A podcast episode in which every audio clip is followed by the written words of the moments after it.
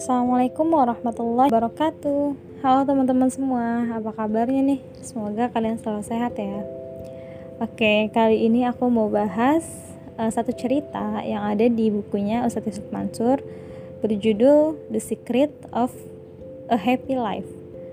Jadi buku ini menceritakan uh, Jadi suatu hari di kampung Ketapang di Tangerang itu ada seorang anak yang tiba-tiba aja muncul gitu.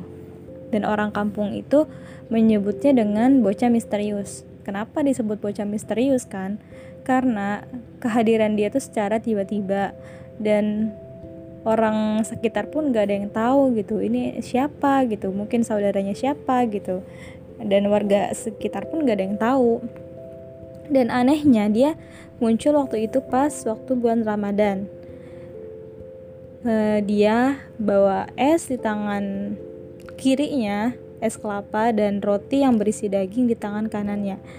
Ya tentunya ya itu kan lagi bulan puasa gitu kan. Itu bikin orang-orang apa ya jengkel gitu ya. Ini ngapain gitu ya? Anak anak kecil gitu kan. Pakaiannya lusuh tapi cenderung bersih gitu. Ngapain gitu kan? Dia udah tahu ini bulan puasa gitu. Udah gitu dia munculnya pas siang hari ya. Ya itu sangat mengundang emosi gitu kan. Udah mana terik matahari terus dia bawa es esnya tuh kayak kelihatan masih dingin gitu kayak cucuran air esnya tuh kayak jatuh-jatuh ke tanah gitu kan. Ya tentunya itu orang-orang kesel gitu. Terus dia juga ngegaguin anak-anak kecil orang-orang dewasa gitu ngegangguin dengan berjalan di sekeliling kampung itu terus sambil menawarkan gitu kan. Ya itu sebenarnya nggak lazim ya kenapa dia ngelakuin itu. Akhirnya singkat cerita ada orang yang mau negor anak itu tapi nggak tahu kenapa. Si orang yang mau negor ini si warganya itu malah takut malah ketakutan karena anak ini nge, nge apa ya matanya tuh melotot gitu gitu udah akhirnya nggak orang itu nggak berani negor. Akhirnya keesokan harinya ada seorang warga lagi namanya Lukman. Dia baru uh, dia akhirnya memberanikan diri dia. Sebelumnya dia juga kayak masih penasaran gitu. Emang mana sih? gitu. Masa iya ada anak yang misterius itu gitu. Dia sebenarnya nggak percaya juga. Akhirnya dia datengin tuh dia tungguin katanya anak ini datangnya kalau misalnya pada zuhur. Nah, akhirnya dia datang kan. Nah ketika Lukman udah ketemu sama anak itu si Lukman ini memantapkan hatinya gitu. Bismillah gitu kata dia.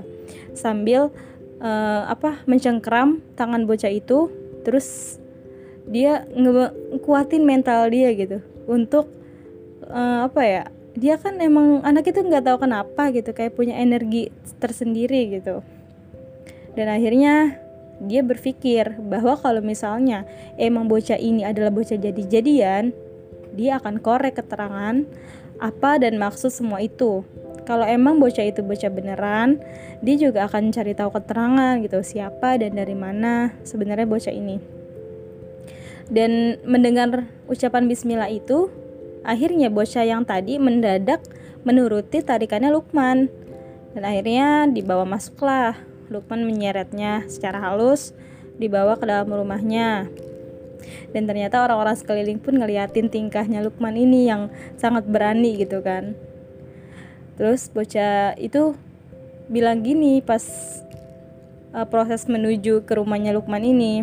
Kata bocahnya, e, ada apa Tuan melarang saya minum es kelapa dan menyantap roti isi daging ini? Bukankah ini adalah kepunyaan saya?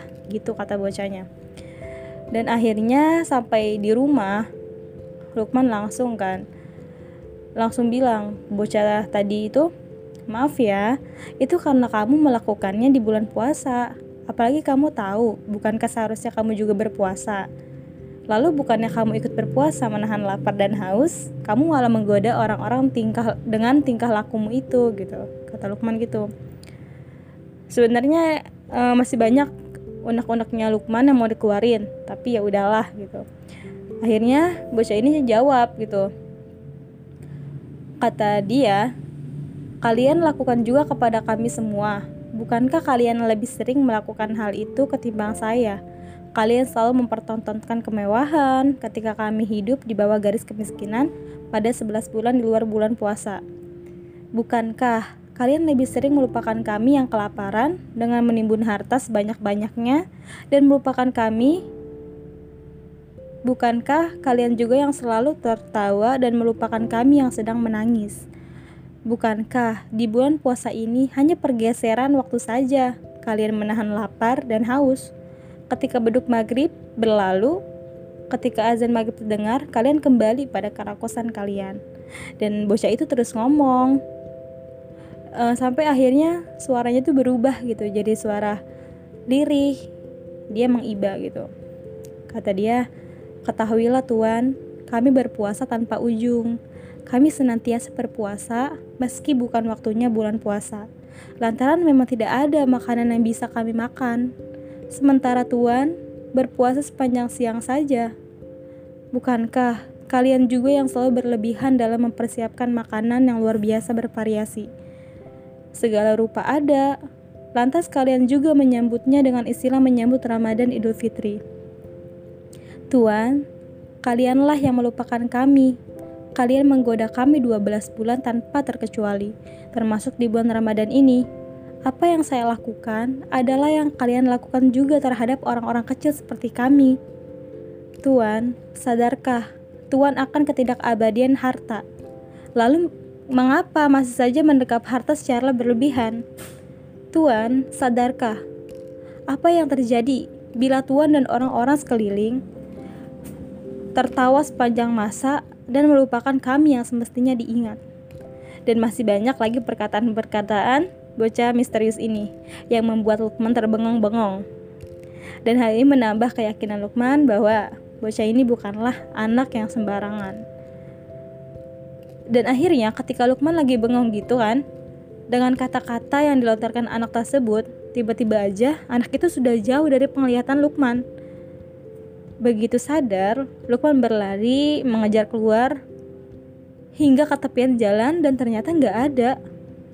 Bahkan orang-orang yang penasaran nungguin di depan rumahnya pun bilang kalau misalnya anak misterius tadi enggak keluar dari rumahnya Lukman. Uh, itu benar-benar sih kejadiannya benar-benar anak itu benar anak misterius gitu kan. Dan setelah kejadian tersebut, akhirnya Lukman langsung buru-buru balik ke rumahnya untuk apa gitu kan ternyata Lukman sujud dan bersyukur dia berpikir bahwa betul gitu apa yang dikatakan bocah misterius tadi bocah tadi memberikan pelajaran betapa kita sering melupakan orang yang seharusnya kita ingat yaitu mereka yang tidak berpakaian, mereka yang kelaparan, dan mereka yang tidak memiliki penghidupan yang layak dan pertemuan tersebut pun menjadi pertemuan terakhir sejak itu. Lukman gak pernah lagi ketemu anak itu selama-lamanya. Dan sungguh anak itu benar-benar misterius. Jadi begitu teman-teman ceritanya. Seru banget sih. Mengajarkan kita gitu ya. Um, apa ya? Bahwa ketika kita sedang bahagia, tentunya kebahagiaan kita jangan sampai merugikan orang lain gitu kita boleh bahagia, tapi jangan sampai merugikan orang lain, jangan sampai kebahagiaan kita menyakiti hati orang lain.